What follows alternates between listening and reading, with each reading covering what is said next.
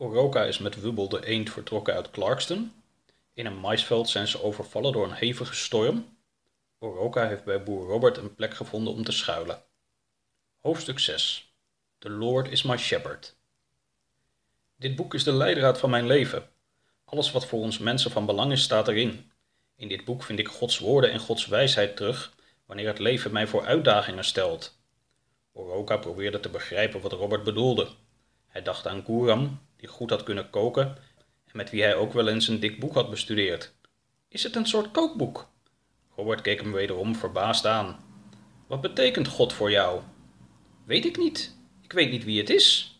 Je weet niet wie God is? Hoe is dat nou toch mogelijk? Uit wat voor familie kom je? Zijn in Clarkston zo ver afgedwaald? Ik ben hier nog niet zo lang. Ik weet nog heel veel niet. Robert, die rood aan was gelopen, zag dat zijn gast oprecht was over zijn onwetendheid en kalmeerde.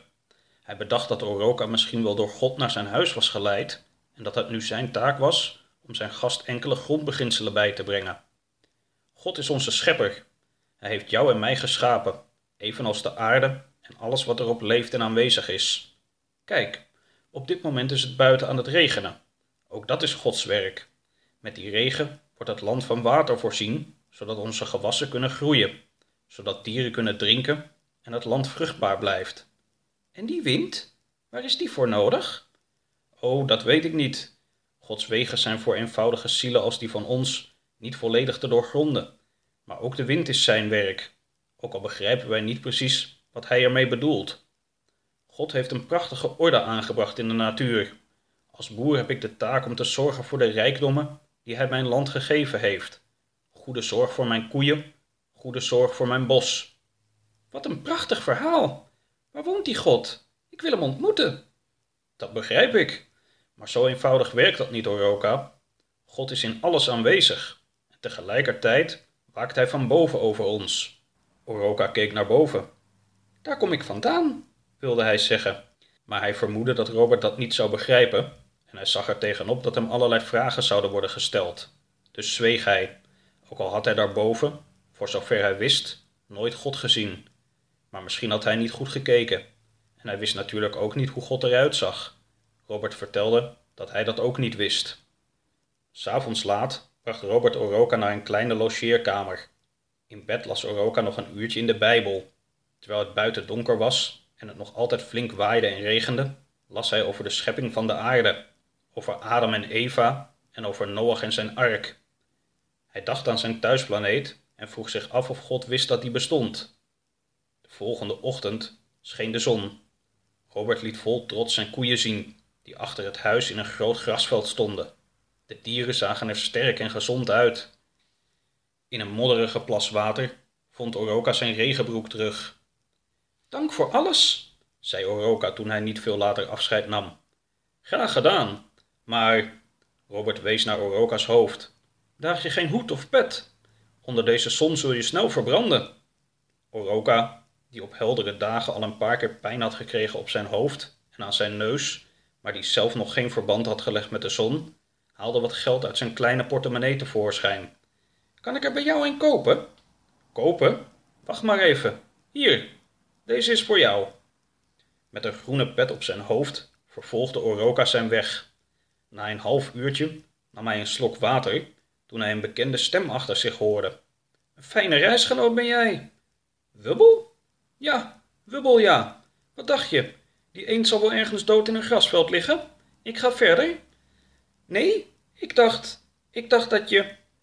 Het maakt me al niet eens meer uit wat je dacht. Ik weet nu hoe de verhoudingen liggen. Ik zag je wel snel dat knusse huis ingaan.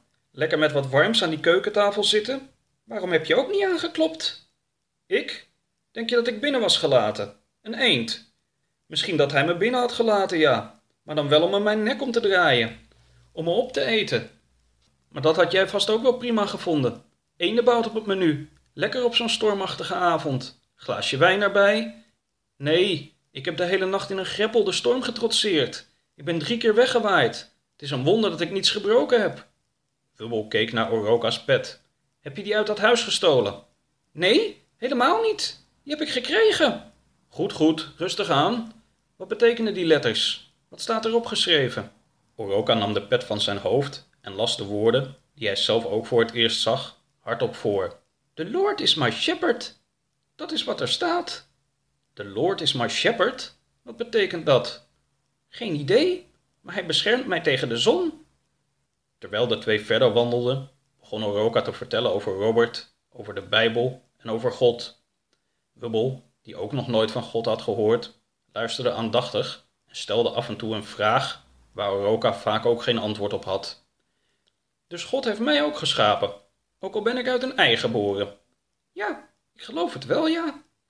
En jij? Ben jij ook door God geschapen? Nou, ik geloof dat het in de Bijbel vooral over deze planeet gaat. Een wonderlijk verhaal. Ik ben benieuwd hoe die God eruit ziet. Daar ben ik ook benieuwd naar. Robert zei dat de mensen dat niet weten. Dat God overal aanwezig is en van boven op ons neerkijkt. Maar. Oroka begon te fluisteren. In de Bijbel las ik dat God de mens als zijn evenbeeld geschapen heeft. Ik denk dus dat hij eruit ziet als een mens. Natuurlijk, riep Wubbel verontwaardigd. Het zal ons niet. Het zal eens een eend of een kalkoen zijn. Nee hoor, het is weer een mens. Twee dagen later. Meneer Kemp, moet u daar eens kijken op die heuvel. Wat zie je, Jake? Ik weet het niet precies. Hier. Jake gaf zijn verrekijker aan de man die naast hem stond. Kijkt u maar. Hmm, is dat een eend? Ja, dat dacht ik ook al. En die andere? Lastig te bepalen van deze afstand, maar zo te zien komt hij niet van hier. Nee, dat was ook mijn eerste gedachte. Wat zullen we doen? We gaan erop af, Jake. Yes, sir. Kijk daar eens, zei Wubbel, terwijl een grote, glimmende grijze pick-up truck de heuvel op kwam gereden. Oroka slobberde snel de laatste stukken persik uit een blik en stond op. De truck minderde vaart en stopte op enkele meters afstand. Een jonge man met halflang blond haar stapte als eerste uit, gevolgd door de bestuurder, een man van rond de vijftig met een normaal postuur. Beide heren droegen een geruite overhemd waarvan de mouwen waren opgestroopt. Om de nek van de jonge man hing een verrekijker. De oudere man, die niet bepaald vrolijk keek, hield een geweer vast. De vingers van de rechterhand waren niet ver verwijderd van de trekker, terwijl de loop van het geweer in de palm van de linkerhand rustte. Goedemiddag, wat een grote auto hebben jullie. Oroka's begroeting werd genegeerd. Wat doe je hier? vroeg de oudere man. Ja, wat doe je hier? herhaalde de jongere.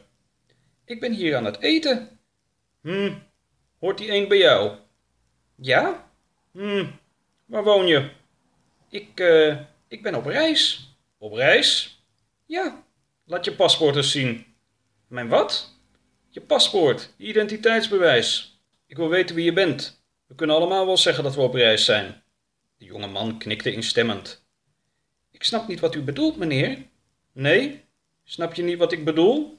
Blijf staan waar je nu staat. Het geweer werd op Oroka gericht. Jake, controleer die rugzak. Yes, sir. De jonge man haalde Oroka's rugzak leeg en bestudeerde de weinige spullen die erin zaten. Geen paspoort, sir. Helemaal niets van dat. Dat dacht ik al, Jake. De oudere man grijnsde. Buiten zijn zichtveld ging Wubbel er snel vandoor.